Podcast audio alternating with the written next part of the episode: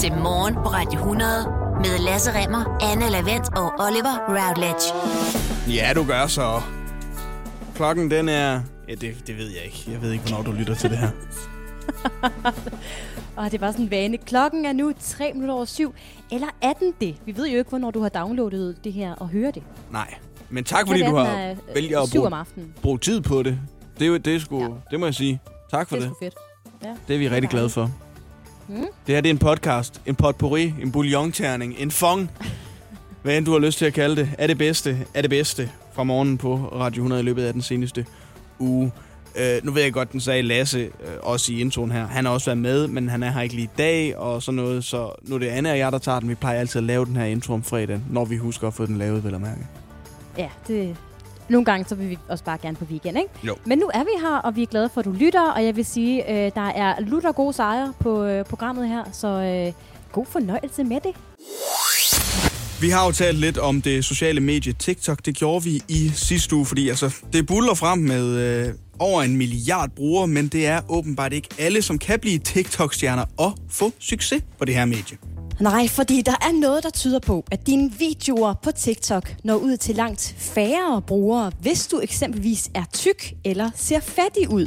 Til gengæld er der så øh, bedre chance for eksponering, hvis du er smuk. Det har i hvert fald fremgået af TikToks egne interne retningslinjer, der indtil nu har været hemmeligholdt. Godmorgen til dig, Frederik Kullager.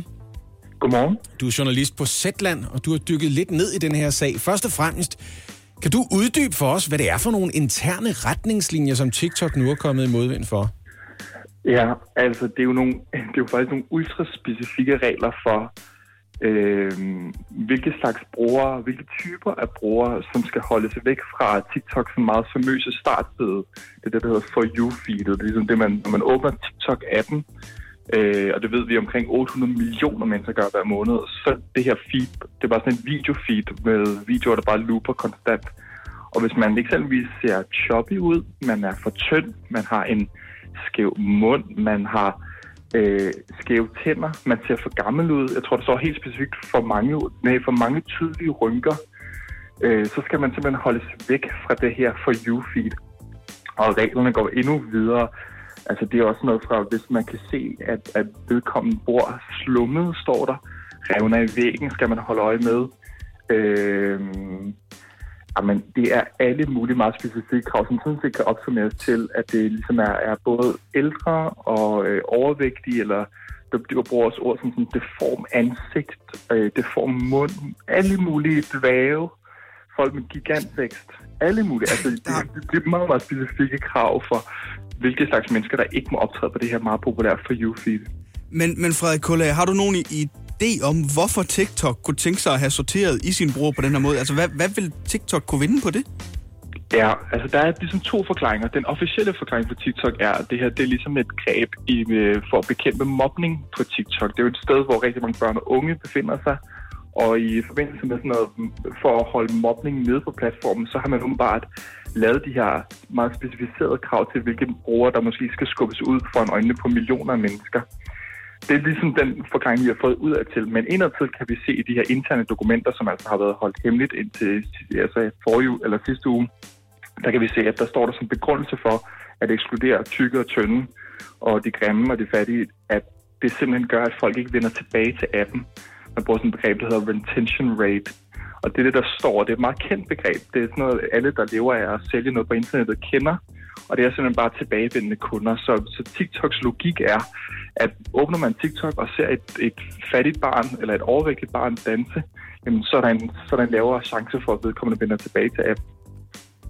TikTok, det buller jo frem i hele verden øh, lige nu, især blandt børn og unge. Gør det noget for TikToks omdømme, at de her retningslinjer åbenbart har været en, øh, en del af strategien? Ja, det gør det absolut. Altså, det er virkelig social medie. Mange skæver til med, med, med, øh, med mistro. Det skyldes især her i Vesten, at, at, at, at det er det første kinesiske sociale medie, øh, som altså Kina har bygget mange sociale medier, men det, det TikTok er ligesom det første, der har fået succes uden for landet. Og det i sig selv har, har fyldt mange, især her i Europa og i USA, med, med en lille smule skepsis over for, hvordan vil de køre det her sociale medier, hvad er det for nogle kulturregler, der vil indfinde sig i, vil der komme noget af den her kinesiske politiske censur, vi kender, vil det, vil det også flyde ned over i appen. Øhm, og mange af de ting, altså nu taler vi meget sådan om udseende, men i de her interne retningslinjer står der eksempelvis også, at man ikke må skade national ære eller tale grimt om politi og soldat og sådan nogle ting. Og det er jo, nogle, det er jo noget af det, vi kender som den politiske censur. Det, det er også en del af de her retningslinjer. Så på den måde så bekræfter de her interne retningslinjer øh, nogle af de bekymringer, der har været om, om TikTok. Det her har jo været hidtil hemmeligholdte retningslinjer, og TikTok bedyrer, at de ikke længere er i brug. Hvor sandsynligt er det, at det er sandt? Altså, de siger, de her, vi ved, at de her retningslinjer har været i brug frem til sen øh, slutningen af 2019, og i dag siger de, at øh, nogen stadig er i brug af de her retningslinjer. Og der skal man huske, at nogle af de her retningslinjer er jo også, at hvis man er under 18, må man ikke stå og ryge i en video på TikTok. Så det er meget plausibelt, at, at der er nogle af de her ting, der stadigvæk øh, findes i dag. Men, men ærligt talt, så ved vi overhovedet ikke, hvad der gør, at ens video ikke bliver set eller bliver set af millioner af mennesker på den her platform. Frederik Kullager, du er tech- og politisk journalist hos Zetland. Tak for din tid her til morgen. Tak. Morgen på Radio 100 præsenterer Det vidste du ikke, du gerne vil vide. Du vidste ikke, at du gerne ville høre historien om Frane Selak, den 90-årige kroat, som er verdens heldigste uheldige mand. Det vidste I ikke. I vidste ikke. Mm. Nej, det, det, altså, det var, jeg vidste ikke, da jeg stod op i morges, at øh, jeg skulle høre om Frank Selak.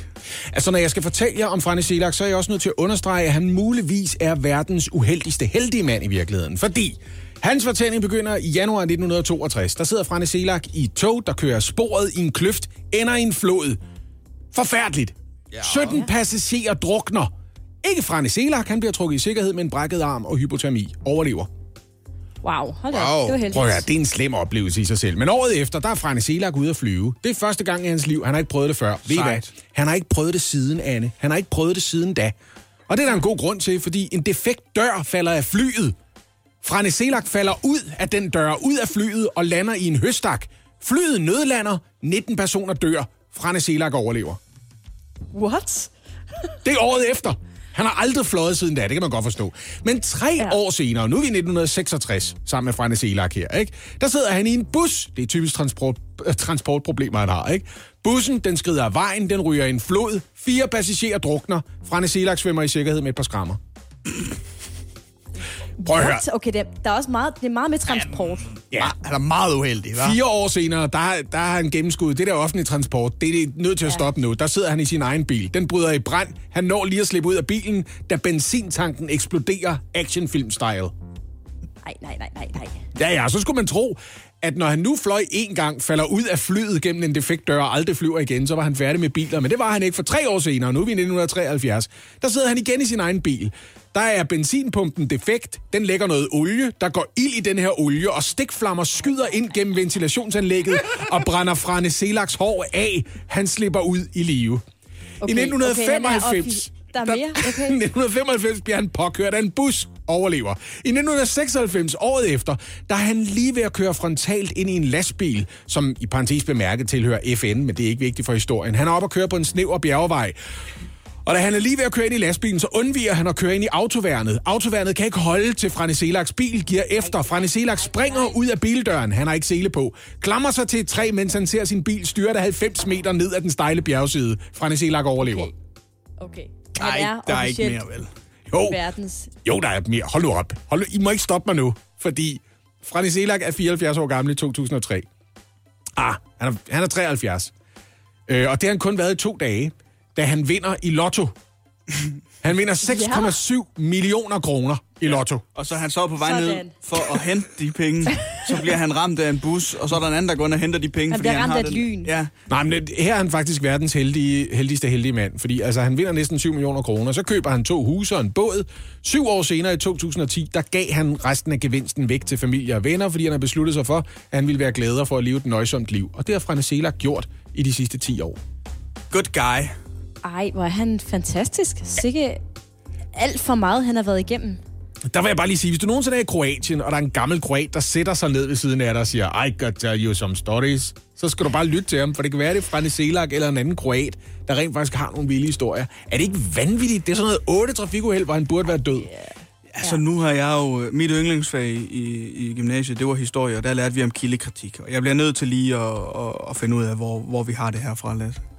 Om det bare er en, en lokalavis i Kroatien der har snakket med, talt med Frank Selak. Vi har det fra talrige nyhedskilder. Alle nyhedskilder ja. i Kroatien. Som du ikke kan afsløre. Ej, jeg kan desværre ikke afsløre dem. Ja. Øhm, jeg har det fra en nyhedskilde, der hedder Google, Jo, okay. øh, som øh, førte mig videre til et nyhedsmedie, der hedder Wikipedia. Sådan noget, der hedder Dagens.dk. Og sådan Nej, nu der holder vi op. Prøv her. Jeg skal nok sørge for at komme med en masse øh, små øh, fodnoter, øh, som underbygger, at hele den her historie om Frane Selak, den er sand nok. Ja? Okay, Ja? det vil jeg glemme. Frane Selak, verdens heldigste uheldige mand. Det vidste du ikke, du gerne vil vide. Du gerne vil vide. Morgen på Radio 100. Morgen på Radio 100. Med Lasse Remmer, Anne Lavendt og Oliver Routledge. Anne, vi kommer lige til at sende dig ud og lave kaffe og holde en lille pause, ikke? Jamen, jeg øh, trænger faktisk også til en lille øh, tissepause. Og det er fordi, I nu skal tale med øh, Anton Geis fra Information, kan jeg forstå. Mm, det skal vi. Vi skal ja. Tale om Instrukskommissionen, og der er du jo, kan man sige, i en lille bitte habilitetsklemme, som gør, at vi har besluttet os for at sætte dig på bænken, hver gang vi taler om Instrukskommissionen. Ja, for lad os lige opsummere. Jeg er kæreste med, med Mark, dejlig kæreste. Uh, han var spindoktor, også kaldet uh, særlig rådgiver for Inger Støjberg, da hun var minister under den her sag. Og Mark, han skal også ind og vidne den her kommission, som vi skal tale om. Så jeg synes, det er det mest ordentlige, hvis jeg lige slukker min øh, mikrofon, går ud og laver en, øh, en kop kaffe og en tortis, og så øh, vender jeg tilbage senere. Ved du hvad, det er et forsigtighedsprincip, vi simpelthen har tænkt os at holde fast i, og så tages vi ved lige om et øjeblik. Og i mellemtiden, Oliver, sætter os lige ind i, hvad det er, vi skal tale om. Ved retten på Frederiksberg så kunne Instrukskommissionen i går for første gang afhøre den tidligere udlændingeminister Inger Støjberg.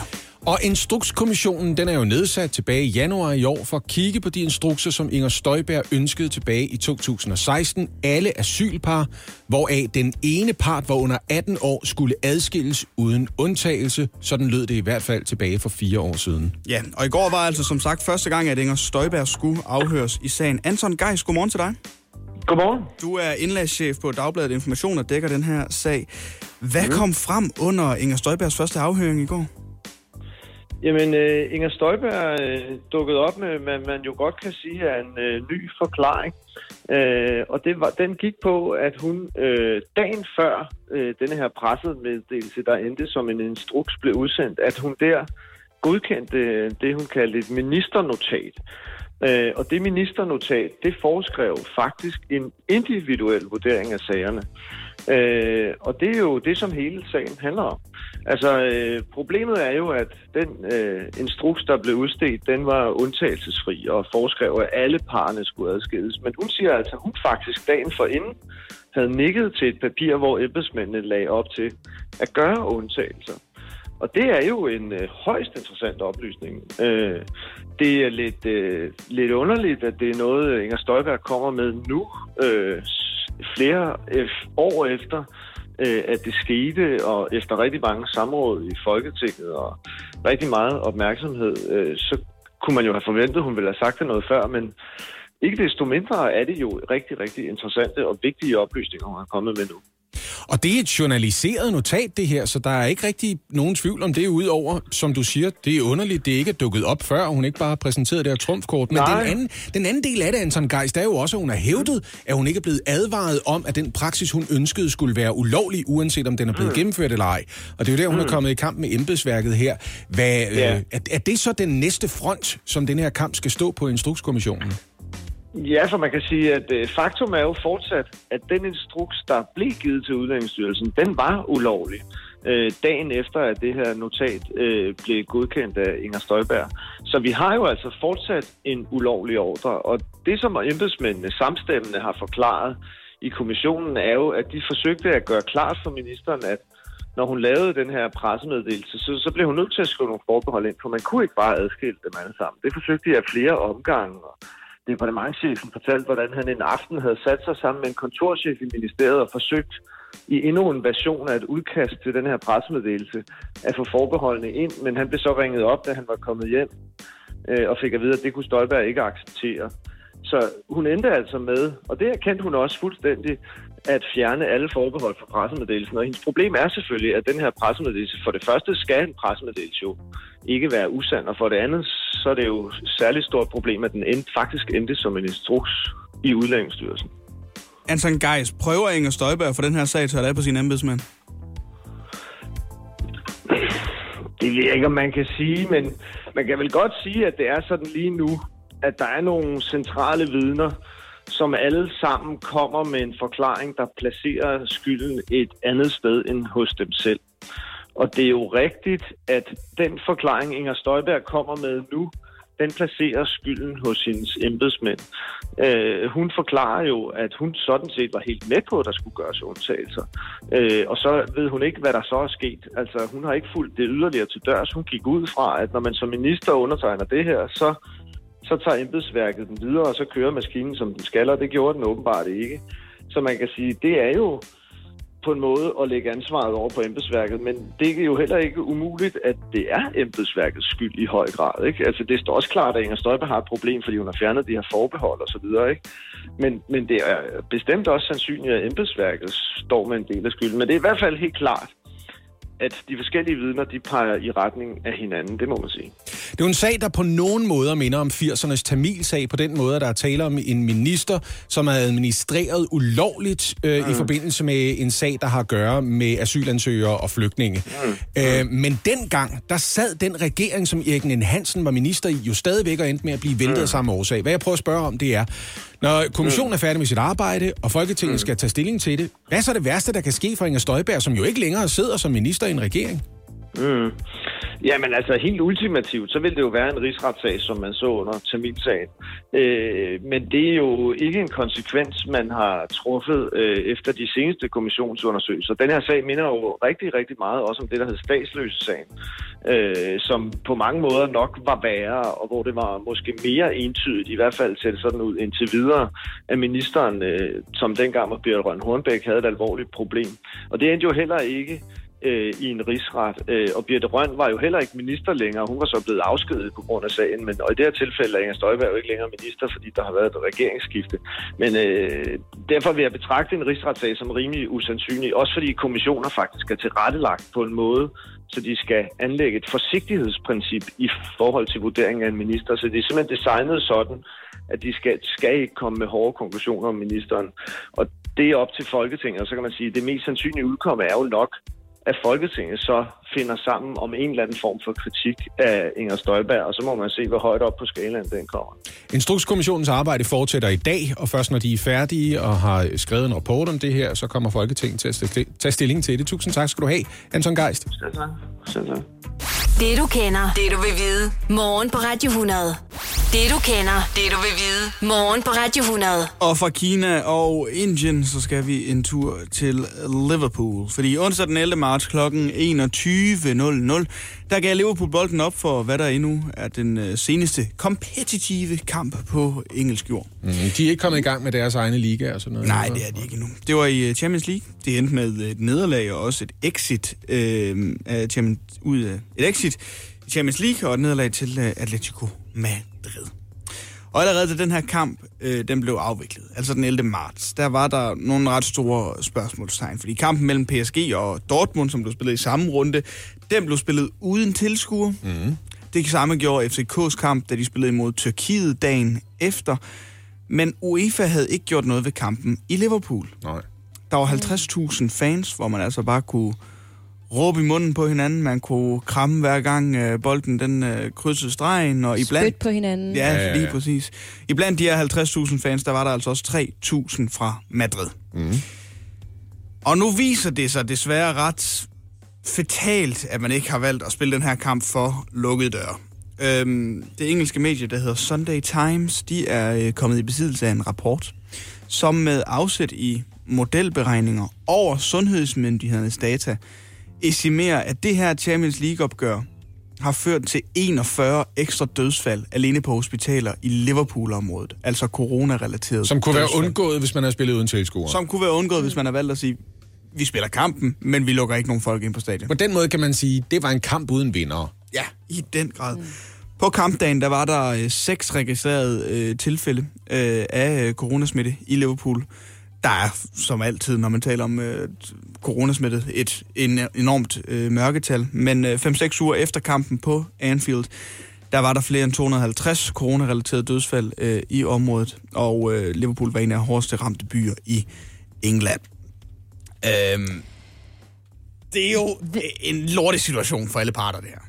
Må jeg ikke lige spørge, jeg forstår det ikke, hvorfor spillede man ikke den her kamp uden tilskuer, hvis man, altså, hvis man andre steder i ligaen havde fundet ud af, at det er måske ikke så smart lige nu. Hvorfor havde man så ikke det i Liverpool? Jo, men det her var jo Champions League-opgør, og øh, Champions League-kampene de bliver administreret og er også ejet af det europæiske fodboldforbund UEFA.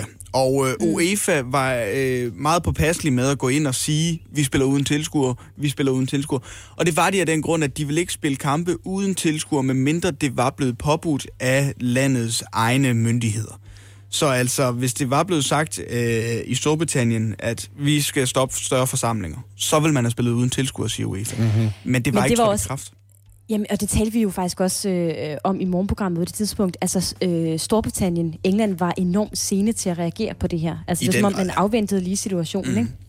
Altså, det her forbud i Storbritannien trådte så i kraft øh, 10 dage senere, hvad der så har været den øh, 21. Øh, marts, og regeringen var fortsat ude og forsvare, at man afviklede den her øh, kamp. Det er der så bare nogle andre, der ikke helt er tilfredse med. Borgmesteren øh, i Madrid, han siger, at det er en kæmpe fejl. Altså, hvordan kan I lade 300 øh, spanier rejse fra et smittecentrum i Madrid til jeres øh, land, til jeres by i Liverpool? Og øh, borgmesteren i Liverpool, han hedder Steve Rotherham, han siger, at det er skandaløst, hvis folk har fået coronavirus som et direkte resultat af en fodboldkamp, som ikke burde have fundet sted. Wow, ja.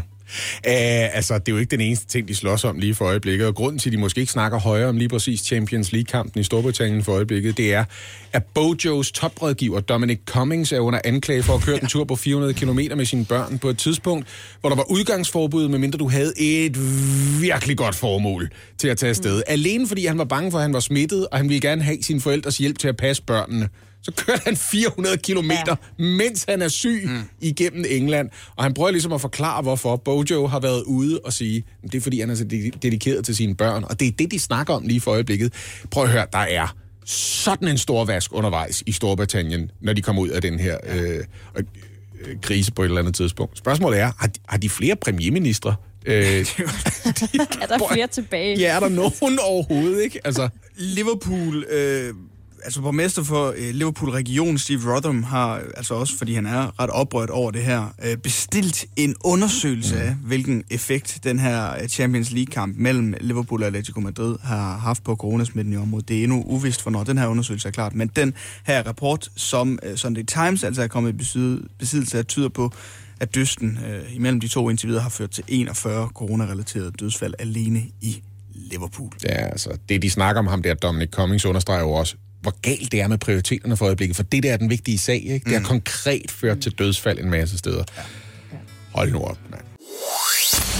Selvom samfundet jo så småt er ved at være øh, tilbage på fuld blus efter coronakrisen, så er der stadig en del forældre, der holder deres børn hjemme fra skole, uden at have konfronteret en læge eller sundhedsmyndighederne, simpelthen fordi de frygter, at børnene eller nogen i familien bliver smittet.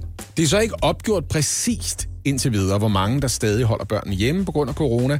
Det er også forskelligt fra kommune til kommune, hvordan de registrerer det her fravær, om de overhovedet registrerer det som ulovligt fravær. Godmorgen, John Hallese. Godmorgen, godmorgen. Du er øh, børne- og øh, ungepsykolog. Og først ja. Og fremmest, vil du ikke lige sætte et par ord på, hvad er det, der gør, at nogle forældre stadig holder deres øh, børn hjemme nu, hvor samfundet jo er ved at genåbne? Ja, det umiddelbare er jo, at øh, der er stadigvæk forældre, som er og et eller andet sted forståeligt nok øh, bange, utrygge.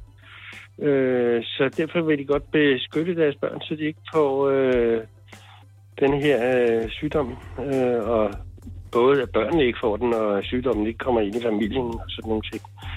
Så jeg tænker sådan umiddelbart, det er en, en, en, en beskyttelse af børnene, men så kan man jo altid stille spørgsmål, hvad ligger der bag det ønske om at beskytte børnene, så man holder dem hjemme fra skole og holder dem hjemme fra skole på den basis, man jo sådan øh, generelt og før corona kaldte øh, sådan, den ulovlige forsømmelse, ikke? Altså, hvor der ikke er nogen god grund.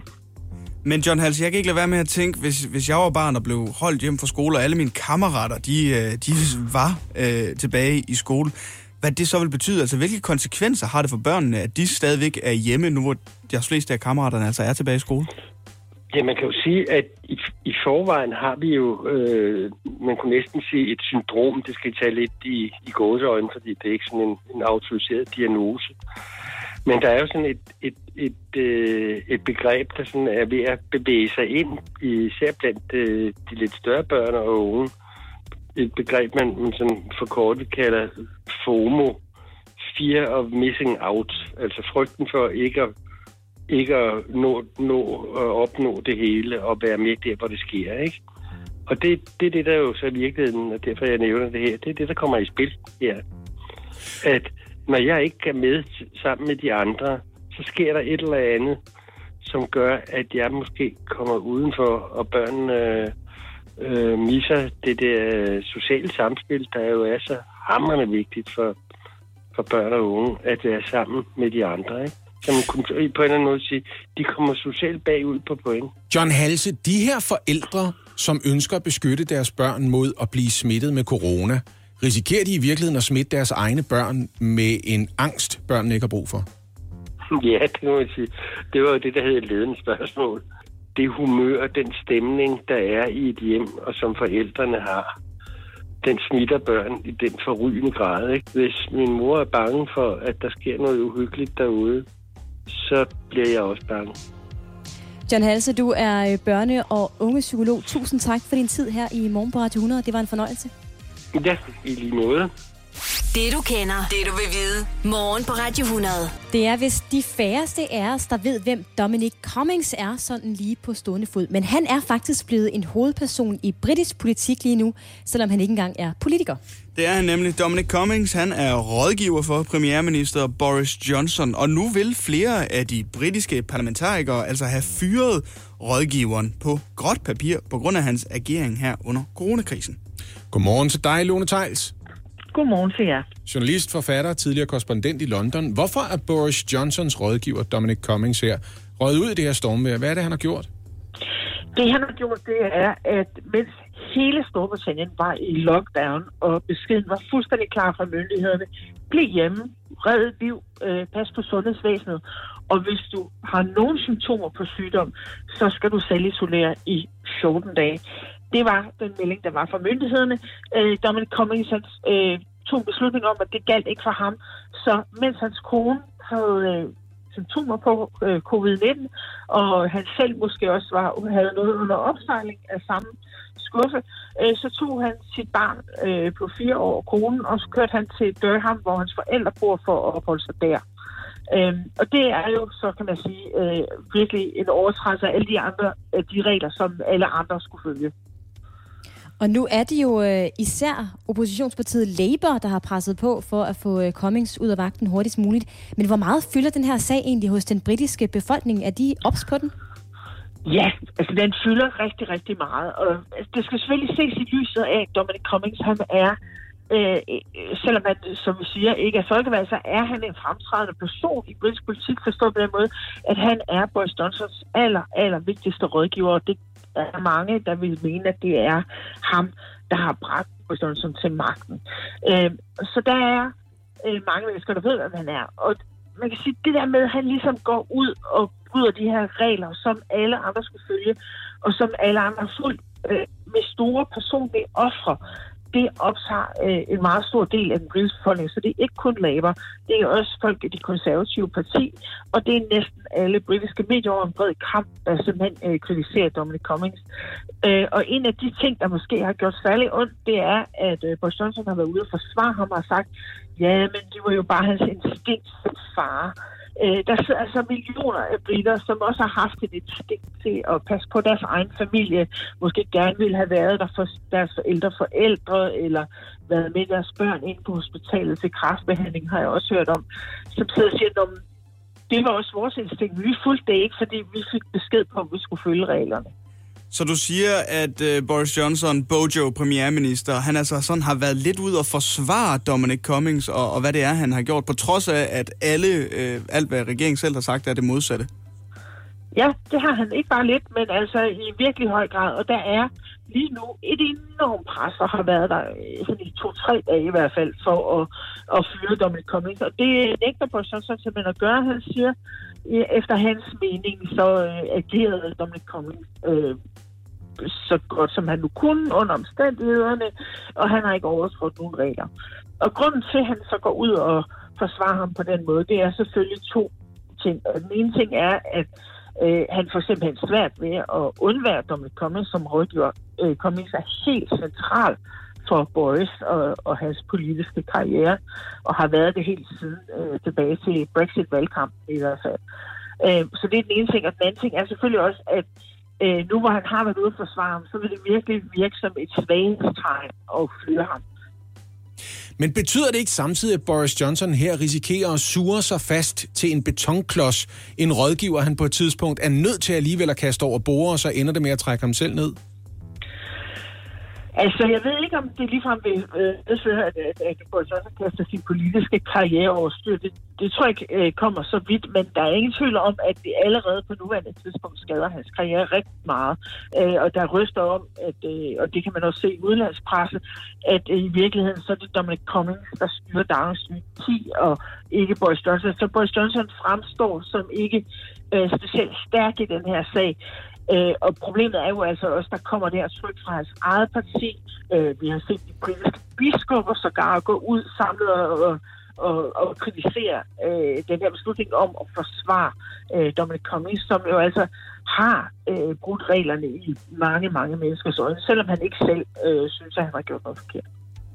Et meget, meget hurtigt bud her til sidst, Lone Kommer Dominic Cummings til at forlade sin post? Jeg tror i hvert fald ikke, det her det er over endnu, øh, men jeg tror ikke, han selv øh, har tænkt sig at sige op. Det var der ingen tegn på, da vi så det her presmøde i går.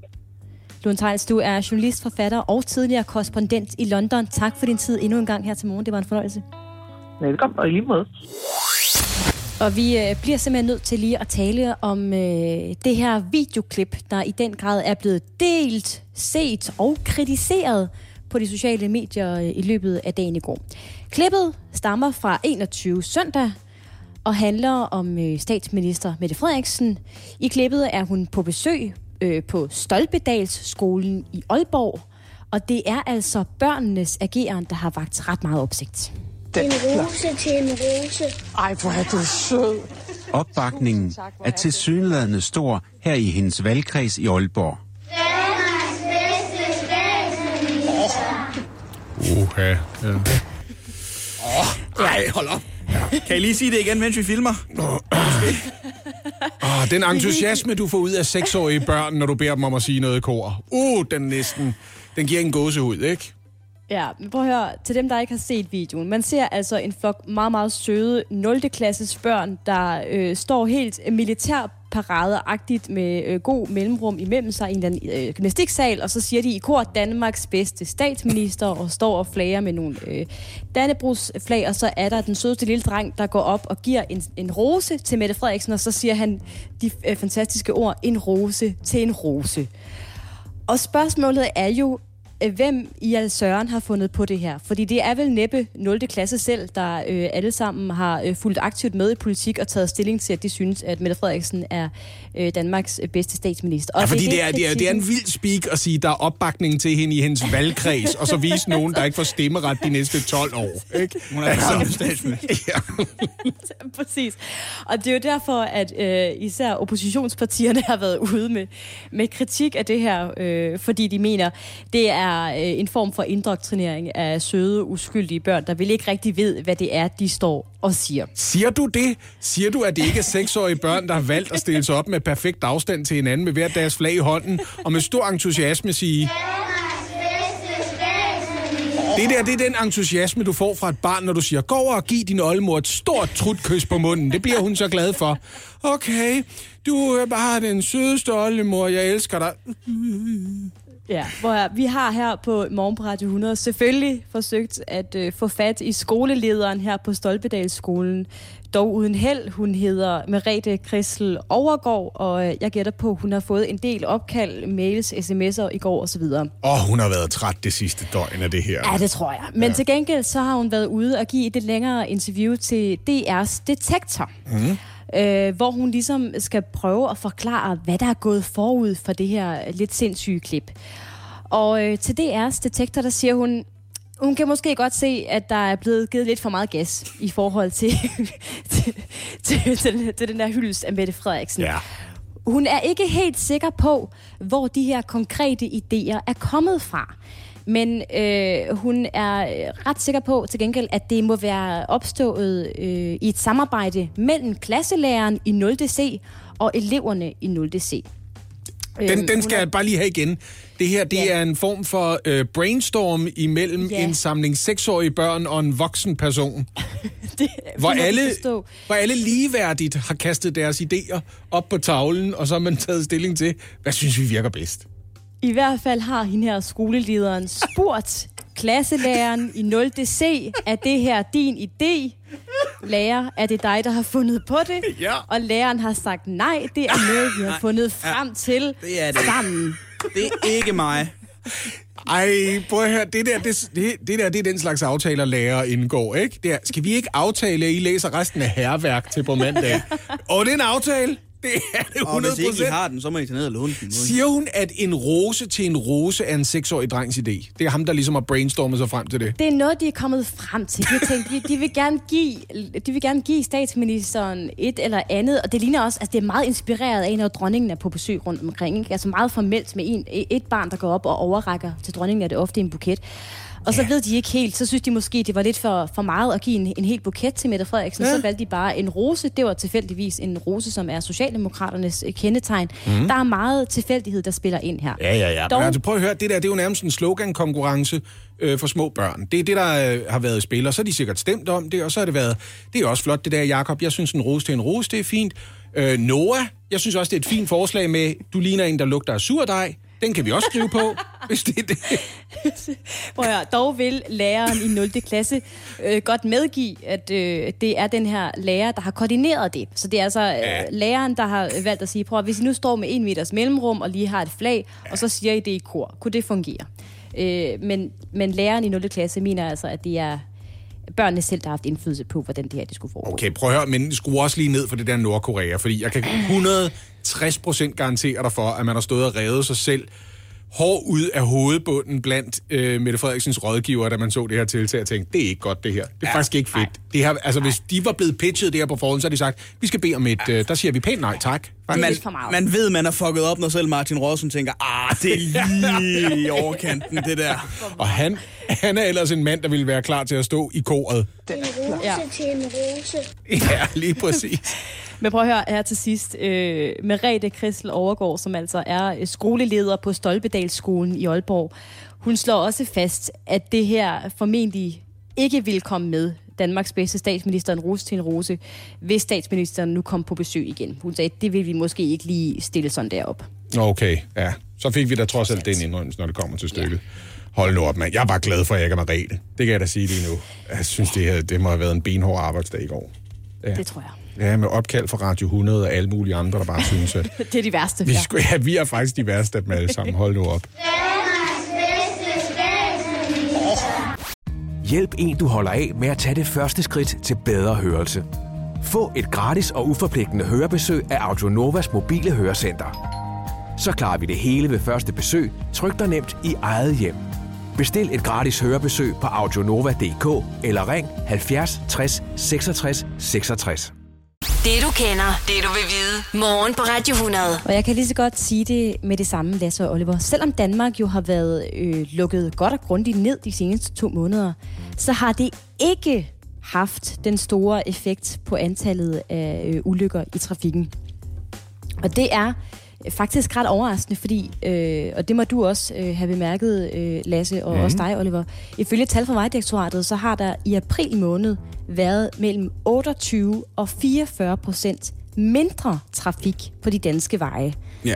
Der har jeg havde, altså jeg havde gættet ord mellem været rigtig 26 og god plads. 42, men altså, jeg tager også deres tal, hvis det er. ja, cirka det samme. Men altså det der med, at der har været god plads mm. øh, i trafikken, og det har jeg også oplevet de øh, trods alt få gange, jeg, jeg har været ude at køre. Ikke? Men en øh, opgørelse fra Råd for, Si- for Sikker Trafik viser, at der alene i april måned altså var 212 til skadekommende og 12 dræbte i trafikken. Og det er cirka det samme niveau som øh, samme tidspunkt sidste år, hvor Danmark jo ikke var lukket ned. Skal vi gå i gang med at gætte på forklaringer her?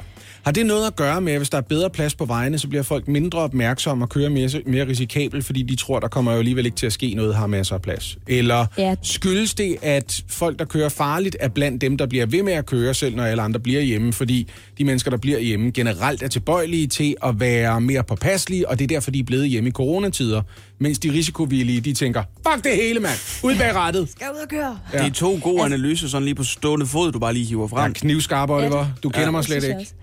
Der, jeg vil sige, der er en af dem, der rammer øh, lidt mere øh, plet end den anden, fordi øh, vej, Vejdirektoratet har ikke endnu haft mulighed for at analysere, hvorfor der øh, er sket så mange uheld øh, trafikken taget i betragtning. Men Bare ringe til afdelings, ja. Ja, jamen, det er afdelingsleder for øh, trafiksikkerhed og, øh, og øh, cykling, Mari- Marianne Folberg hedder hun. Hun mener, at øh, nogle bilister simpelthen har udnyttet de her halvtomme veje og givet den lidt ekstra gas på mm. farten. Fordi der er, jo, altså, der er jo ikke særlig mange biler. Pyt med det, jeg kan bare torden igennem det hele. Mm. Og det kan man også se, fordi der øh, faktisk den seneste måneds tid er sket langt flere soloulykker, end der plejer. Altså der er mange flere uheld og ulykker, hvor øh, der kun har været én bilist involveret, og det tyder jo på, at det er den her ene bilist, der har begået fejl, og ikke alle andre. Ikke? Det er ikke de andre trafikanter, Anne. Det er det der sving. Nej. Det er svinget, der er din fjende. Ja, ja, det siger du. Apropos, øh, hvad, hvad der er skyld i ulykker. Ikke? Rådet for Sikker Trafik øh, har en administrerende direktør, han hedder Mogens Kjærgaard Møller. Han understreger, og det overraskede mig det her, 99 procent af alle trafikulykker med dræbte og skadekommende sker på grund af bilisternes egen adfærd. Ja. 99 procent. Det er altså stort set aldrig øh, på grund af øh, dårlige veje eller biler, eller hvad man nu ellers øh, kan komme ud for i trafikken. Det er oftest på grund af egen adfærd, at man kommer ud for øh, ulykker. Vi skal, have, vi skal have de der selvkørende biler ud. De er bedre Nej. til, end vi er. Jo, vi skal. Oliver. Nej, Jo, det jo, skal vi. Jo. skal vi selvkørende biler er klogere end menneskelige bilister. Jo. Ja, det tror jeg faktisk også, du har ret i. Det kan man lave dem som, i hvert fald.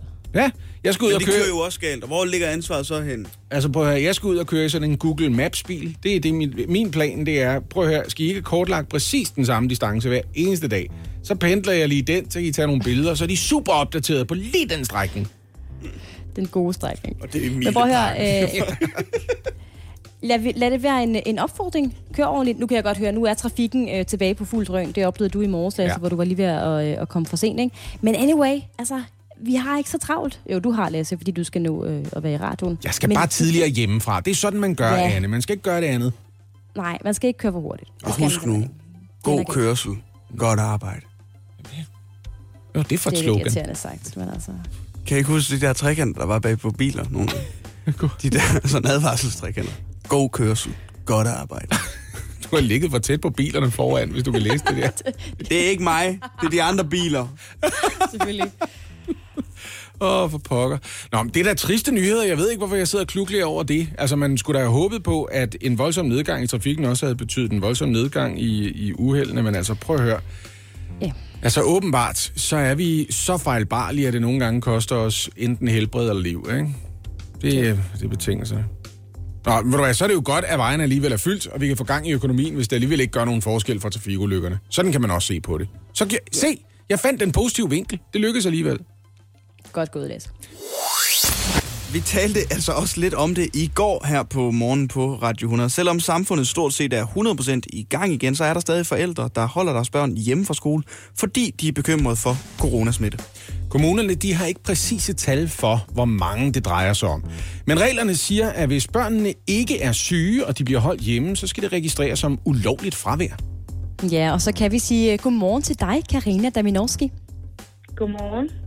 Du er øh, hjemmegående, du bor i Tostrup, og du er en af dem, der stadigvæk holder dine børn hjemme fra henholdsvis 5., 6. og øh, 7. klasse. Og først Ja. og fremmest, hvorfor er du og din mand stadig utryg ved at sende øh, jeres børn i skole?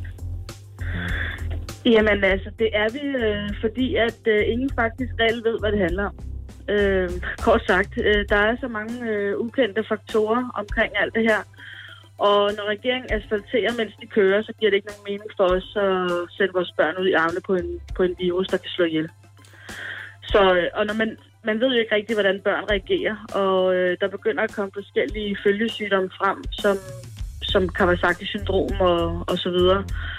Så øh, vi har besluttet os for, at vi ikke øh, rigtig vil bruge vores børn som skjold og testpersoner. Karina Daminovski, hvordan har skolen reageret på, at I holder jeres børn hjemme?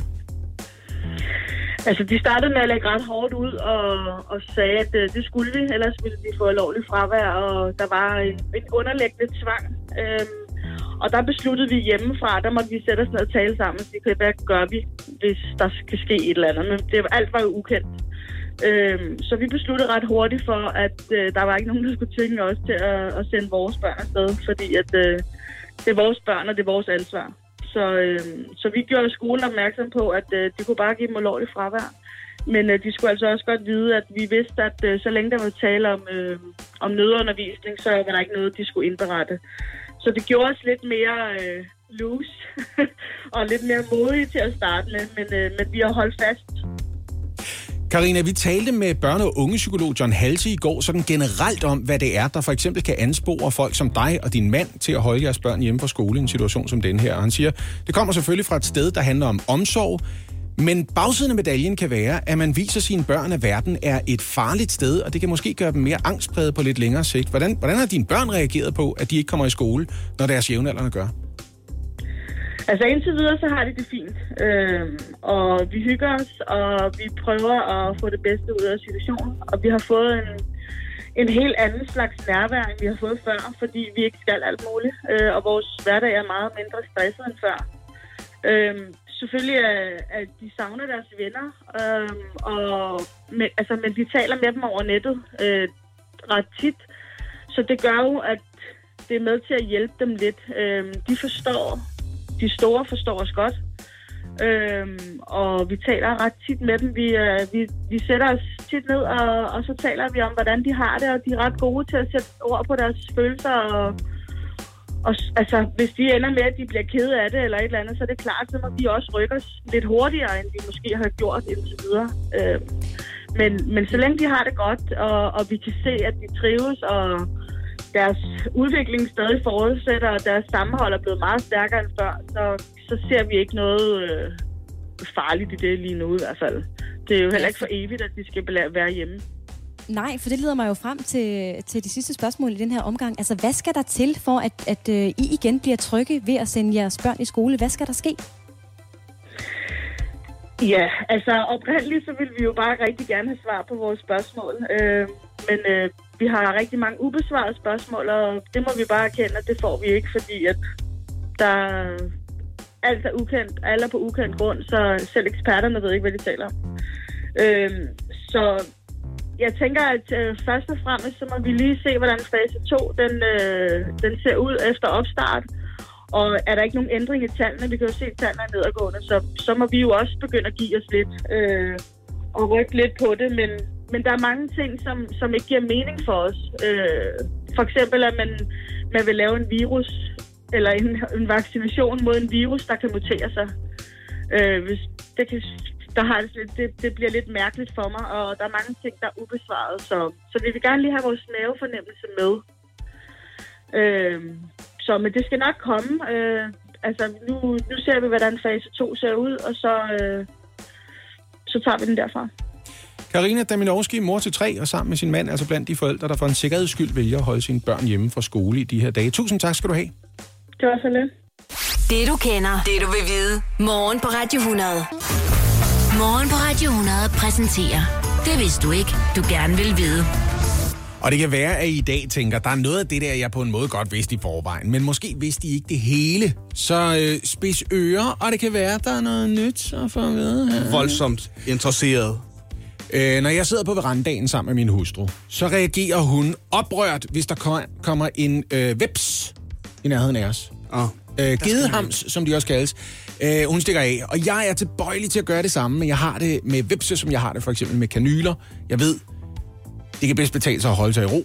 Mm-hmm. Bare stille og roligt få det overstået, mm-hmm. indtil de går med dem igen. Ikke? Øhm, ja. Der er det ved vipse, at de har jo ikke lyst til at stikke dig. De har ikke lyst til at gøre det. Men der er også en oplevelse af, at jo længere sommeren skrider frem, jo hissigere bliver de der vipse. Altså, jo voldsommere opfører de sig, jo mere ja. uterrenlige er de.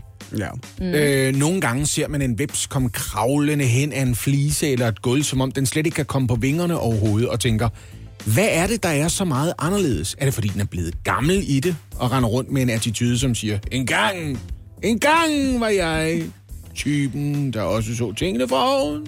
Ikke længere. Ikke længere de dage bag mig nu. Det er ikke, hvad det handler om. Prøv at høre, det der sker efterhånden, som sommeren skrider frem, det er, at der er to forskellige områder, vepsene kommer til at mangle mad på. Den ene, det er, at hen mod slutningen af sommeren, der holder dronningen op med at lave nye larver, og larverne laver sådan noget sødt spyt, som de andre vepse kan leve af. Så det er lige meget ja. lækkert. De har brug for lidt sukker, lidt kulhydrater til at holde sig i gang. Den anden ting, vipsene gør sådan øh, i løbet af året, som de ikke har mulighed for at gøre øh, resten af året, det er, de spiser for eksempel fluer. Ja, de er nogle farlige kødædere, når de kan slippe afsted med det. De spiser sådan nogle små tordenfluer og den slags. Har du tordenfluer, så lad vipsen flyve indenfor, for eksempel. Mm. Ikke? Den slags bananfluer og den slags. Det er mums for dem først på sommeren. Men I har også lagt mærke til, at de har sådan en meget, meget slank talje. Sådan nogle øh, vipser. Har I lagt mærke til det? De har vepsetalje. Ja, og det, ja, det er faktisk derfor. Øh, de har svært ved at spise fluer senere på sommeren. Så de får ikke fluer, og de får ikke sødt spyt fra de nye vepselarver. Og så er de på den, for de har brug for sukker. Og det er derfor, de efterhånden som sommeren skrider frem, bliver mere og mere desperate for at komme i nærheden af vores sukker. Det er derfor, de sværmer om for eksempel sødt vin og brød. Hvis der står noget syltetøj, så er de glade ved det. Juice. Juice.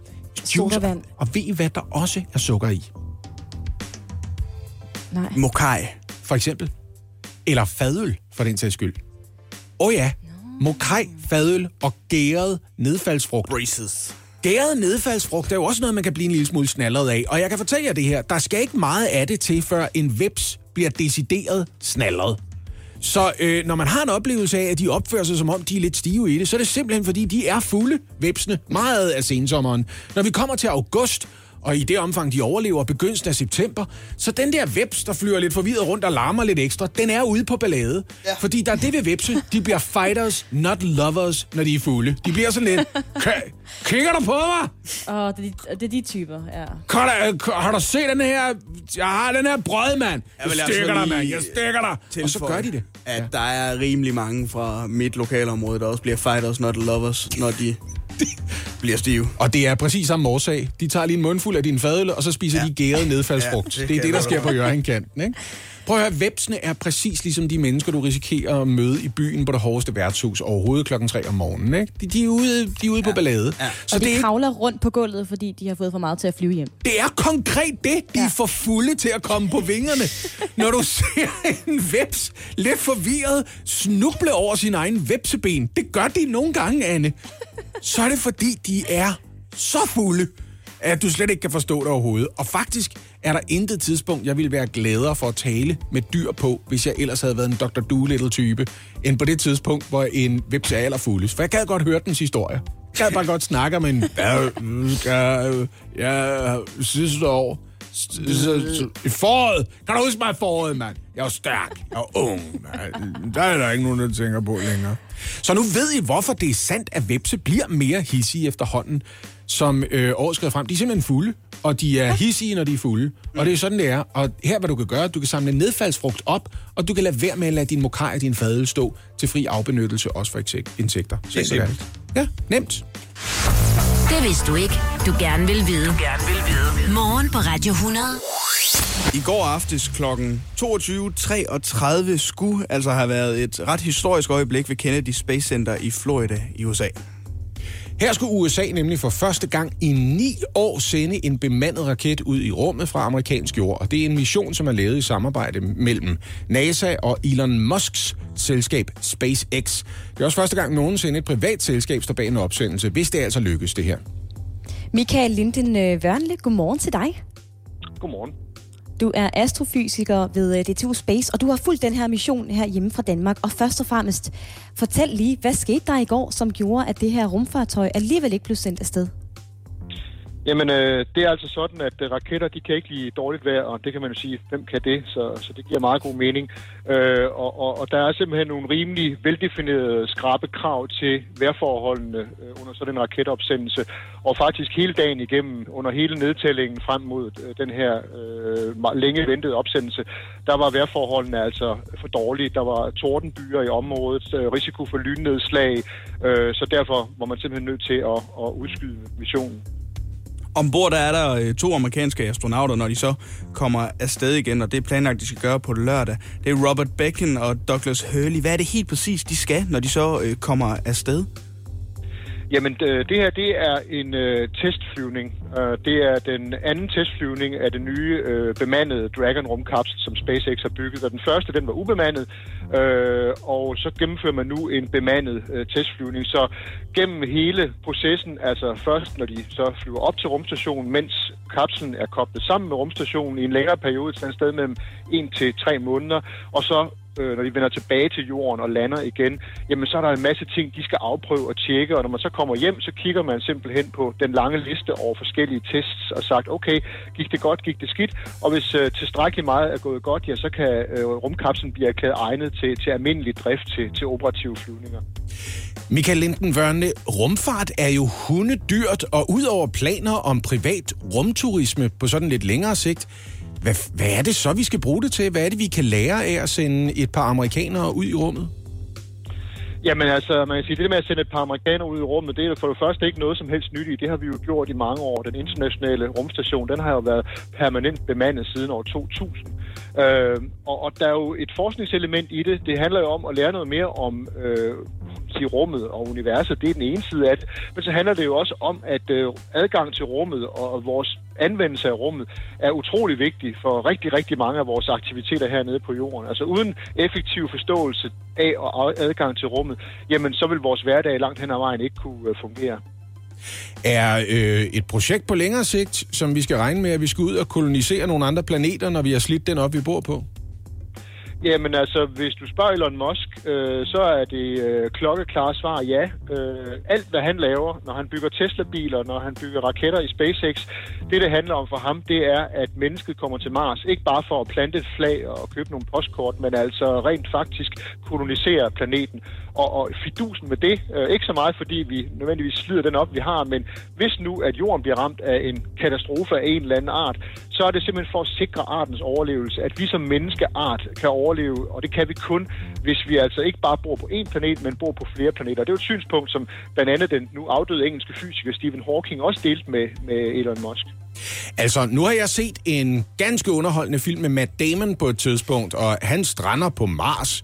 Øh, det virker ikke som om, det er et super venligt område. Skal vi i gang med det der, der med et fint ord hedder terraforming, for nogensinde at kunne øh, gøre os håb om at bo på en anden planet? Altså, sørge for, at der kommer en atmosfære og nogle andre muligheder for, at vi kan leve der? Altså igen, hvis du spørger Elon Musk, så skal vi. Øh, og øh, det er jo klart, det der med at bo på en planet og altid skulle bo i en konservesdåse og skulle have rumdragt på, når man går udenfor, øh, når man skal ned og hente bagerbrød og sådan noget, det er jo ikke særlig fedt. Så ideen om at give Mars en atmosfære igen, øh, som mennesker kunne, kunne indånde, øh, det ville jo være fantastisk. Men det der med at lave ingeniørkunst på planetskala, det er altså ikke noget, man bare lige gør. Men det udelukker selvfølgelig ikke, at der på et eller andet tidspunkt i en fjern fremtid er nogle fikse ingeniører, der siger, at den klarer vi, øh, og så er, den, så er den sag ud af verden. Michael Linden Vørle, jeg gætter på, at du sidder øh, klar igen på lørdag, når opsendelsen øh, skal afsted. Ja, det kan du tro. Vi glæder os til at finde med, hvordan det går, og forløbig skal du have tak for din tid her til morgen. Altså Michael Linden Vørle, astrofysiker ved DTU Space. Det du kender, det du vil vide. Morgen på Radio 100. I dag skal det handle om, og I glæder jer til det, kokkehuer. Ah ja, det er dem, hvor der er en, øh, en lille mus op i, og så laver de en ratatouille sammen, og så øh, smager det skide godt. Du er så ung, Oliver. Øh, Anne, jeg snakker lige med dig i stedet for. Hvorfor, ja, det. hvorfor, har kokke, hvorfor har de kokkehuer på? Hvorfor har de dem på? Jamen, jeg tænker, det er hygiejniske årsager. Dels fordi, så kan det lige øh, svære, øh, hvad det, fjerne lidt fugt, hvis man har det i panden, og dels så kommer der ikke hår i maden. Jeg kan fortælle dig, hvorfor vi havde caps på på McDonald's. Mm-hmm. Det var for, at der ikke kom i maden og hygiejniske årsager. Det kan da godt være med kasketter, men gættet med hensyn til kokkehuer, det er hygiejniske årsager, udløser... Mæh. Det er desværre Nej. forkert, Anne. Det er simpelthen ikke rigtigt. Det har ingenting at gøre med at sørge for, at der ikke kommer hår i maden. Ja, så kunne det- man vælge en meget bedre løsning, som for eksempel kasketter eller hårnet i stedet for. Er det så noget med æstetikken?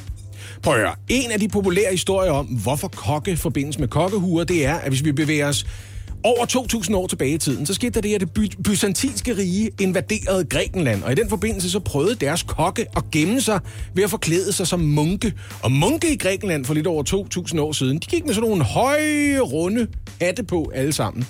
Øh, så en del af det var, at de bar de hatte, og selv da byzantinerne blev drevet på flugt på et tidspunkt, så blev kokkene simpelthen ved med at gå med de her kokkehuer, for ligesom at vise solidaritet med befolkningen øh, som helhed. Det er en af historierne, men nok så vigtigt. På længere sigt, og inden for for eksempel øh, fransk madlavning, der har kokkehuer ikke været forbundet med hygiejne, men det har været en måde for eksempel at signalere, hvem har mest erfaring i køkkenet på. Og det har noget at gøre med læggene, altså folderne i hatten. Jo flere læg eller folder, jo mere erfaren en kok. Ligesom man klipper i svedremmen på en studenterhue, for eksempel. Vidste I det? Nej. Nej. Helt op til 100 folder, som for eksempel kunne signalere antallet af måder, kokken kendte, man kunne lave æg på. Hvor mange måder kan du... T- ikke lave. Det lyder faktisk lidt dumt. Den lægger man jo, hvis man er nødt, ikke?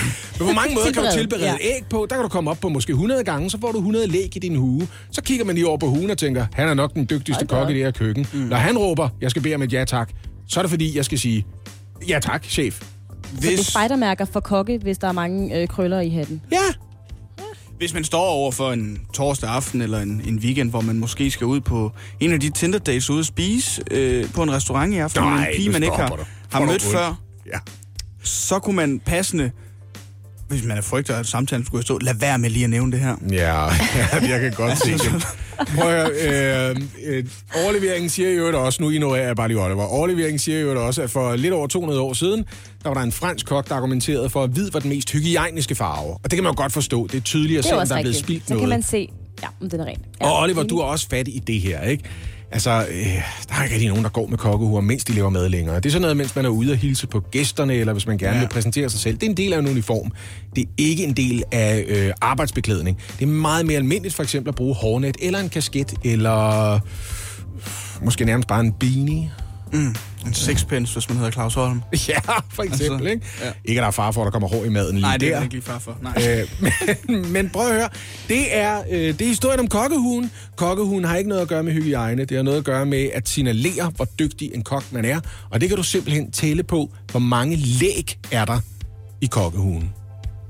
Det var så lidt. Det vidste du ikke. Du gerne vil vide. Du gerne vil vide. Morgen på Radio 100. Jeg synes, den var god, den her, Lasse. Tak skal du have. Det kan jeg også. Jeg kan også godt lide den. Nå, 7 hvorfor? out of 10 will recommend, eller hvad? Præcis. Okay. Ja. Hjælp en, du holder af med at tage det første skridt til bedre hørelse. Få et gratis og uforpligtende hørebesøg af Audionovas mobile hørecenter. Så klarer vi det hele ved første besøg, tryk dig nemt i eget hjem. Bestil et gratis hørebesøg på audionova.dk eller ring 70 60 66 66. Det du kender, det du vil vide. Morgen på Radio 100. Man kan vist roligt sige, at der har været en øh, del palaver omkring influenter den seneste tid, for det falder rigtig mange for brystet, når bloggere og Instagrammere reklamerer for øh, tandplejning, der ikke virker, eller sugar dating over for deres ofte meget, meget unge følgere. Ja, og det har danske bloggere nu taget konsekvensen af. Danske bloggere, som har en specialgruppe under Dansk Journalistforbund, har nemlig præsenteret 13 nye etiske retningslinjer, som influenter kan læne sig op af, hvis de vil. Og i den forbindelse kan vi sige godmorgen til Lisbeth Kiel. Godmorgen.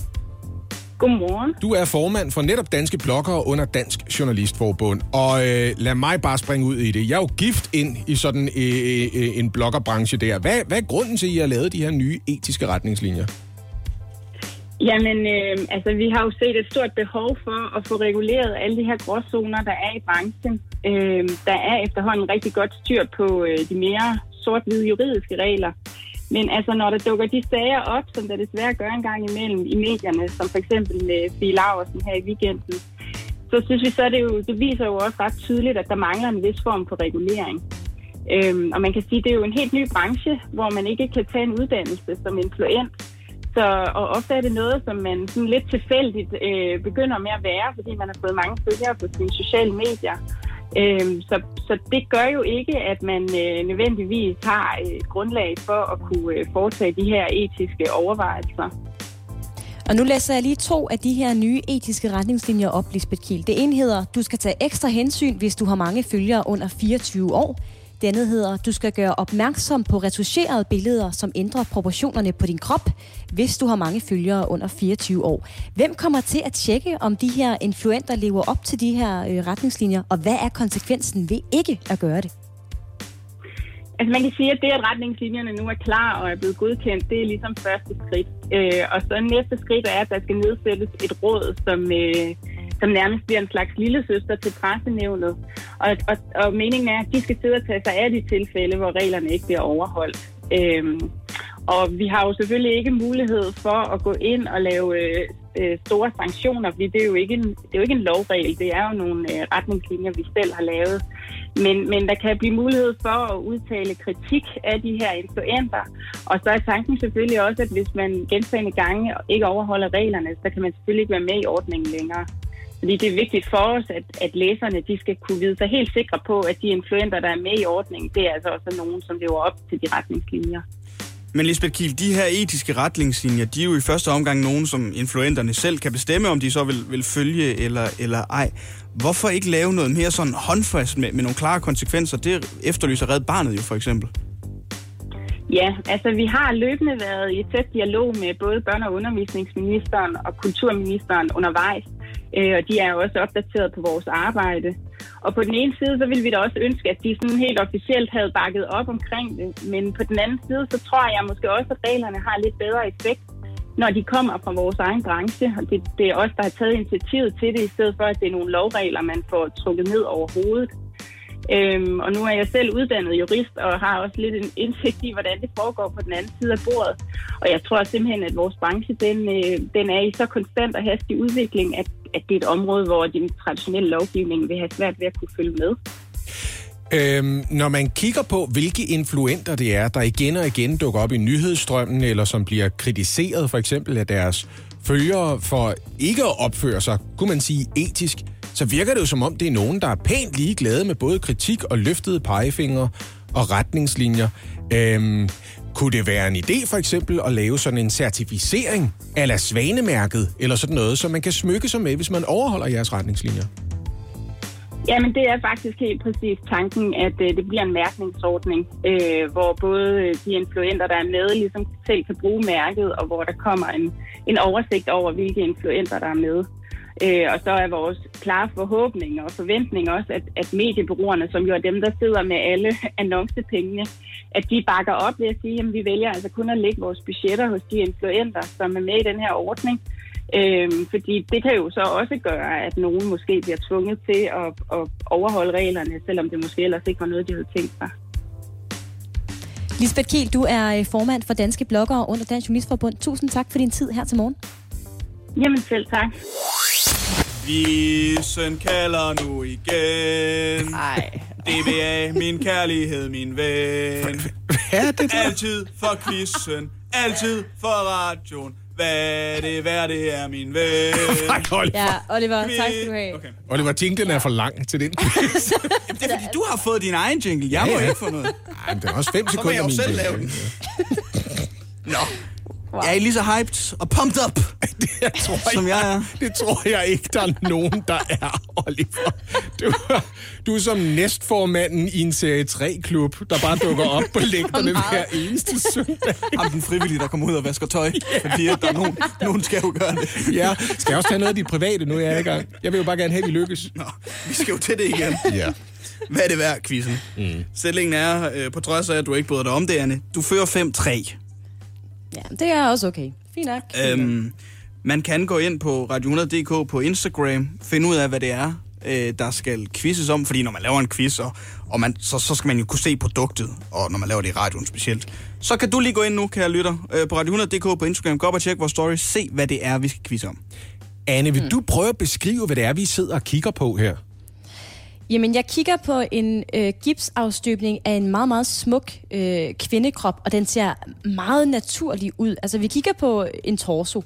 Mm. Øh, er det vel af ja, en nøgen, nøgenbar kvindekrop med, med fine bryster og en dejlig mave, og så øh, et skridt. Og det er jo ikke bare en hvilken som helst øh, kvindekrop, det her. Nej, det kan jeg forstå. prøv at høre. Hvem er jeg til at fortælle jer, hvad det her det er? Jeg har endnu en gang talt med dagens sælger. Det gjorde jeg lidt tidligere på morgenen. Jeg sendte dig ud for at lave noget kaffe, Anne, og så sendte jeg dig, Lasse, ud af studiet. Så talte jeg med sælgeren. For at øh, finde dagens sælger, så skal vi en tur til Slagelse for at tale med øh, Dennis. Godmorgen, Dennis. Godmorgen. Dennis, på øh, dit billede, som øh, Anne og Lasse har set, og som er også er tilgængeligt for at se ind på vores Instagram-side, der ser jeg en gipsafstøbning, men det er vel ikke bare en hvilken som helst gipsafstøbning, den her? Ej, den er, den er lidt speciel. Det er Trine Mikkelsens øh, afstøbning, som der er blevet foretaget en gang i 90'erne. Øhm, og det er gips, hvor der så er en eller anden form for noget, noget gummi udenpå. Det er det, man kan se, den overflade. Så øhm. det, man kan se gipsafstøbning af her, det er altså Trine Mikkelsen. Det er Trine Mikkelsen, ja. Altså, Dennis, hvordan er du selv kommet i besiddelse af en gipsafstøbning af Trine Mikkelsen? Jamen, det er fordi, den har været, øh, den har været brugt i pigespecial i 90'erne, som det er dem, der har foretaget den og har lavet en artikel om den. Den er desværre ikke kunne finde. Men øh, min bror vandt den, og så er omvejer den så ind hos mig. Dennis, hvorfor skal du skille sig af med den? Jamen, nu har, nu har jeg jo haft glæde af den et stykke tid, så nu, øh, nu synes jeg, det er på tide, at den skal ud og opleve nye steder. Så Trine skal ud og opleve nye steder nu? Ja, det synes jeg, det er på tide, og det er jo, det er jo en ingen, og desværre hun er død, så, øh, så der kommer i hvert fald ikke flere af den. Der kommer ikke flere af den, venner. Det kan man sige er en nøgtern, mild kynisme, der er på spil der. Mm. Der, der kan ikke laves flere. Der kan ikke laves flere Nej. af dem. Den øh, var dokumenteret i Pige Special.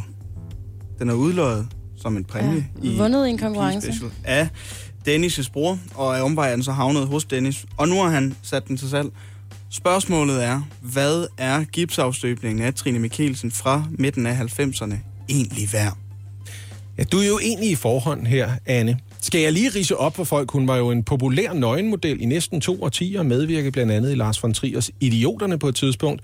Øhm, og hun har jo solgt ting forbundet med sin krop før, men det vil jeg da godt lige holde lidt tæt til kroppen, øhm, kunne man sige, øh, indtil jeg har hørt dit bud, for jeg skal ikke give dig for mange oplysninger. Du er jo foran, Anne.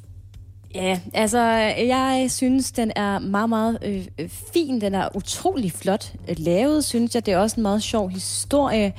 Mm, ja, mm, jeg, jeg tror måske den... 5.500. Ej, jeg runder op. 6.000. 6.000 kroner skal den her øh, gipsafstøbning koste. Ja, ja, ja. Altså, mm. der var jo sådan en... Øh, der kan jeg så uddybe her. Der var for eksempel i et andet blad med et fortrinsvis mandligt publikum, ugens rapport, mulighed for på en auktion at købe øh, Trine Mikkelsens, og jeg citerer nu, Dusk i 1991. De lavede en billedserie, hvor man kunne se, hvordan den blev fjernet, og øh, hvordan den derefter blev indsamlet, og, øh, og så var der mulighed for at købe den. Og så gik pengene til dyrenes beskyttelse, som var en sag, der lå Trine Mikkelsens hjerte rigtig nær. Mm. Øh, den endte med at indbringe 5.000 kroner og havnede i butiksvinduet i Body Bio på Vesterbro Torv, hvor en homoseksuel indehaver havde en aftale med Trine Mikkelsen om, at uanset hvad, ville han byde 1.000 kroner over højeste bud og ende med at købe den. Bedste reklamestund, han nogensinde har lavet, sagde han. Folk stod i kø for at se dusken. Jeg bor på Vesterbro Torv nu. Mm. Tænk, at jeg har været i nærheden af den. Ja, Men altså, jeg synes, du snakker lidt udenom. Ja. Der er blevet budt 6.000. Jeg synes, dit bud er knivskarpt, Anne. Det er lige i det territorium, jeg vil lægge mig. Så jeg kommer til at sige, jeg tror faktisk godt, at Dane skulle håbe på at få 8.000 kroner for den her gipsafstøbning. For der er også nogle nostalgikere rundt omkring, og der er en historie forbundet med den. Og nu kan jeg godt mærke på mig selv, at jeg fortryder lidt, men jeg har sagt det højt. Så mm. jeg lægger mig over Anne. Ja. Undskyld udtrykket, Anne, i den her sammenhæng. Alt for let, alt for let. 8.000. 8.000? Mm-hmm. Okay. Der er jo øh, fortsat ingen af jer øh, i løbet af den her quiz, der har, der har ramt prisen, hvad den er sat til salg for. Nej, man skal også ramme på kronen, så ikke? Skal mm. på, ikke? Ja. Men jeg spurgte Dennis. Du kan, I kan selv finde ud af Okay, ja. Dennis, hvad skal den her gipsafstøbning af Trine Mikkelsen egentlig koste? Den skal koste 8.000. Ja! Ja! Det er så vigtigt! Det er så vigtigt! Ah, du havde også en fordel med den dusklasse. det har jeg. Og jeg kan da lige sige, at øh, min er til salg, hvis der er nogen, der skulle have en 20'er. Så kan jeg da godt lige gå ind og skrabe det mest nødvendige af. Du ramte den på prisen. Ej. Vanvittigt, mand. Nej. Irriterende, altså. Ej, det er flot. Irriterende. Det er flot. Jeg vil godt have lov til at takke min hustru og mine døtre øh, for at have bragt mig frem til det her. Jeg har knoklet for Jeg fører stadigvæk med et point, ja, Læsø, ikke? Det burde faktisk give flere point end ramme prisen spot on. Men det kan Ej, vi jo finde ud af til en Det var ikke en del af aftalen. Ja. Nu kommer jeg lige op og udligner, og så laver vi lige pointreglerne om. Ej, det var, det var godt det her. Det gør vi igen på tirsdag. Det var imponerende. Jo, jo, vi gør det. To gange om ugen. Tirsdag og Super torsdag. tilfreds med den her quiz. I særdeleshed i dag. Jeg faktisk aldrig synes, den quiz var bedre ting. Det du kender, det du vil vide. Morgen på Radio 100. Der er øh, rigtig godt nyt til alle os, der efterhånden har pløjet alle streamingtjenester igennem øh, de seneste måneder. Fordi fra i dag kan vi så småt begynde at gå i biografen igen. Ja, Nordisk Film genåbner halvdelen af sine biografer, og Cinemax genåbner alle sale, dog med en række sundhedsfaglige retningslinjer, der skal overholdes, så vi biografgæster trygt kan gå i biffen. Ja, godmorgen Martin Blikker. Godmorgen. nyhedsvært øh, her på kanalen, men også filmanmelder, filmekspert og meget andet øh, inden for det felt.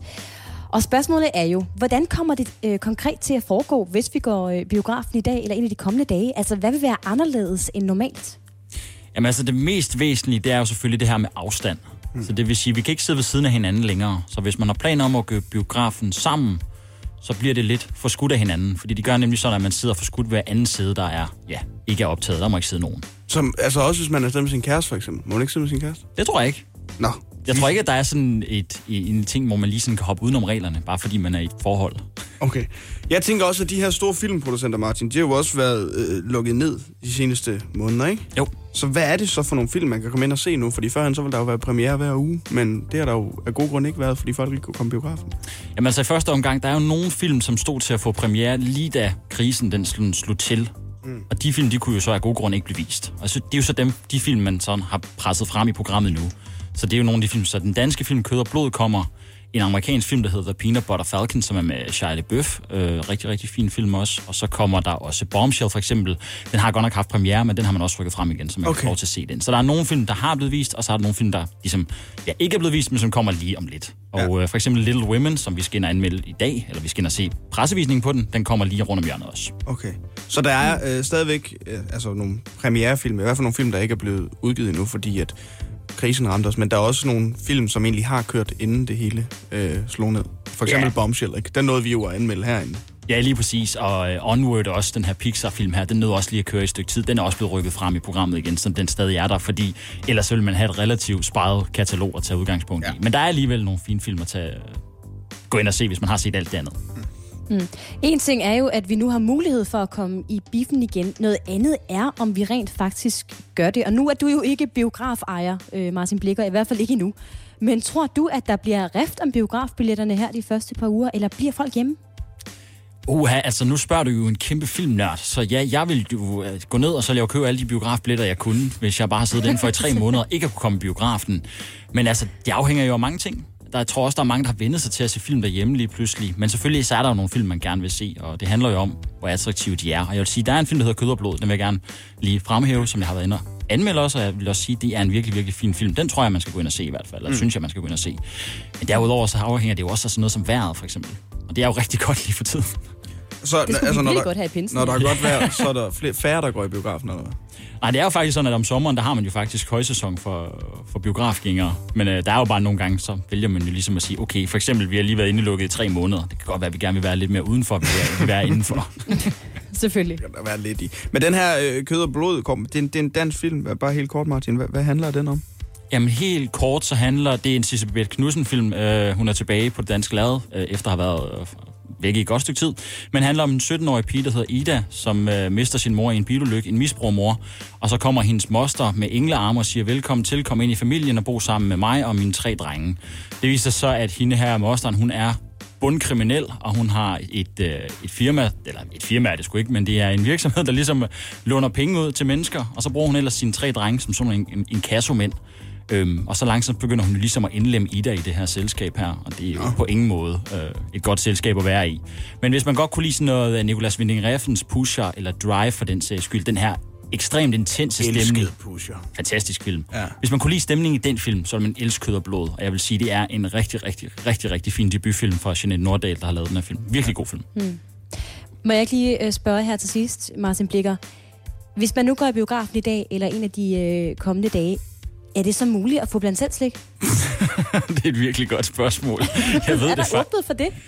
Jamen er der ikke, normalt så er der de der plastikhandsker. Men det kan da godt være, at de har sat en eller anden medarbejder hen, og så til at bare stå og skovle for dig. Jeg ved det ikke. Altså, så vidt jeg har hørt, så, så er der åbent for, øh, for kiosksalg, eller hvad man skal kalde det i biograferne, Anne. Så, så Nå, du kan det roligt godt. tris Så kan jeg- afsted.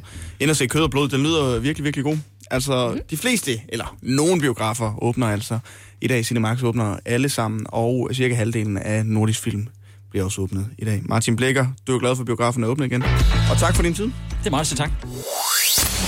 Natten til onsdag dansk tid var Donald Trump, måske ikke så overraskende, på Twitter, men den her gang skete der noget ret vildt. Ja, det gjorde der, fordi det sociale medie Twitter valgte nemlig altså at markere Trumps opslag som værende vildledende. Det førte så i går til, at Donald Trump underskrev et præsidentielt dekret, der giver mulighed for at ændre i en lov, som beskytter sociale medier. Ja, Trump han beskylder blandt andet øh, Twitter for at begrænse hans ytringsfrihed og at øh, blande sig i præsidentvalget. Godmorgen til dig, Philip Christian Ulrik. Godmorgen. Du er forfatter og udenrigsredaktør på kongressen.com. Og først og fremmest, forklar os lige. Det her tweet, som Twitter nu har markeret som værende vildledende, hvad handlede det om? Jamen, det handlede om det, det, det med, at, at man skal brev, kunne brevstemme i USA. Det er en stor debat, man har lige i øjeblikket, øh, simpelthen på grund af det her corona. Altså det her med at have millioner af mennesker, der møder op til ved stemmeurnerne til, til november, det tænker man måske, det er måske ikke super optimalt. Øh, så derfor har man lagt op til, at, øh, at der skal kunne brevstemmes i langt større omfang. Øh, og det... Øh, og det siger Donald Trump og hans øh, republikanske støtter, at det leder i øh, langt øh, højere omfang til valgsvindel, fordi der bliver fusket med de her stemmesedler. Øh, og det er så det, øh, Twitter går ind og siger, det er der altså ikke nogen beviser for. Øh, det, det, det har ikke været omfattende valgsvindel, med, med, som, øh, som præsident Trump han, han altså antyder. Hvad betyder det her så for, øh, for Trump, Philip Christian Ulrik? Fordi en ting er sikkert, Twitter er hans yndlingsplatform. Det er hans yndlingsplatform, og, og, øh, men, men lige nu, der kan man sige, der får han, øh, der får han lov til både at blæse og have med i munden. Øh, fordi det er jo ikke fordi Twitter kommer til at smide ham af, fordi det, de har det jo sådan set også meget godt med, at han, øh, han øh, sådan styrker deres øh, platform. Så Trump han får lov til at blive på Twitter, fortsætte med at nå ud til sine 80 millioner følgere. Og, og der skal vi jo så sige, okay, men øh, læg til, at når han skriver ud til sine 80 millioner følgere, så har de fleste medier i verden en tendens til at følge med. Så Trump han bruger det her til en, et, sådan set som hans øh, store blæshorn til at nå ud til, til alverdens medier. Der kan han blive, fordi de smider ham ikke af. Men derudover så kan han beholde sit, få sådan et slagsmål med de sociale medier, for der er rigtig mange republikanere og konservative i USA, der er mega trætte af platforme som Facebook, YouTube og Twitter, fordi de siger, at der er en eller anden tendens imod højre, højreorienteret politik, øh, og det er en bunke venstreorienteret, øh, hvad hedder det, øh, mennesker, der sidder i på de her medier og, og, og krænker deres ytringsfrihed. Øh, og det, den kamp kan Trump nu tage øh, relativt øh, sådan set uden konsekvenser øh, langt hen ad vejen, fordi der kommer ikke, det er meget, meget lidt sandsynligt, at der kommer de her ændringer, han lægger op til i sit... Øh, i sit dekret. Så, så han kan få kampen, han kan mobilisere sin øh, politiske vælgerbase, og han kan fortsætte på platformen med sine 80 millioner følgere. Ja, for nu er du selv inde på det. Altså, han underskrev i går et dekret, og jeg kunne ikke rigtig finde ud af nogen steder, øh, øh hvad, det, hvad det indebærer eller indebar. Kan du prøve at gøre det klogere på det? Hvad var det, han, han underskrev? Det, det er et præsidentielt dekret. Man kan sige, det er en måde, præsidenten går ind og regulerer sådan, de, de øh, myndigheder, han har kontrol over. Og det er også derfor, det er, det, det er, sådan lidt, spøj, øh, det, det er lidt politisk teater, det han er ude i, fordi han har ikke mulighed for at kontrollere de sociale medier via et præsidentielt dekret. Der skal han ind og have noget lovgivning. Øhm, men det, han lægger op til, det er for det første, at øh, nu skal man altså ind og vurdere en lov, som i USA sikrer øh, de her sociale mediers frihed fra at skulle ind og sende censurere, fordi der er, der er hvad hedder det, i midten af 90'erne, der lavede man en lov, der sagde, at de her platforme, YouTube, øh, der var jo så ikke tænkt på Facebook, men det er jo så kommet senere, de, de skal ikke stå til ansvar for, hvad deres brugere ko- kommer på deres platforme. Øh, og det har jo ligesom givet plads til, at at internettet har udviklet sig på den måde, som vi, som vi øh, har set det i, og kender det i dag på både godt og ondt, fordi det ligesom har givet plads til, at folk har kunne ytre sig. Det siger Trump, eller der, der har forudsætningen været, at, at de behøvede ikke, og øh, de måtte kun i begrænset omfang regulere, hvis de gjorde det i god tro. Det vil sige, hvis de er ind og fjerne børneporno og sådan nogle ting, så er det selvfølgelig i orden, de går ind og censurerer. Det øh, Trump lægger op til nu, det er, at, at uh, internetfirmaerne her agerer i ond tro. De gør det, fordi de ikke kan lide det, der bliver skrevet. De er politisk uenige, og så fjerner de tingene, og dermed censurerer de det. Men det er jo også altså spørgsmålet nu. Kommer Twitter fortsat til at lave de her markeringer på tweets, som de finder øh, vildledende? Er det bare øh, sådan, det er fra nu af, og det må Trump vende sig til og finde sig i? Ja, for den, altså Twitter er jo faktisk den sidste, der hopper med på den her bølge. Facebook har jo faktisk gjort det, har, har faktisk været op, gjort lidt af det i et stykke tid. Øh, det er meget belært af, af 2016-valgkampen, hvor man jo fandt ud af, at millioner af opslag, millioner af interaktioner på Facebook handlede om fake news og, og vildledning, og havde en, altså potentielt en konsekvens for et amerikansk præsidentvalg. Så Twitter kommer til at lave mere af det her. Vi har også set det igennem de sidste, altså siden de startede, de lagde ligesom hårdt ud med at, at, at, at lave det her markat på, på Trumps tweets. Men de er altså fortsat over de sidste par dage, og det vil være en tendens, vi sandsynligvis vil fortsat, fortsat vil se.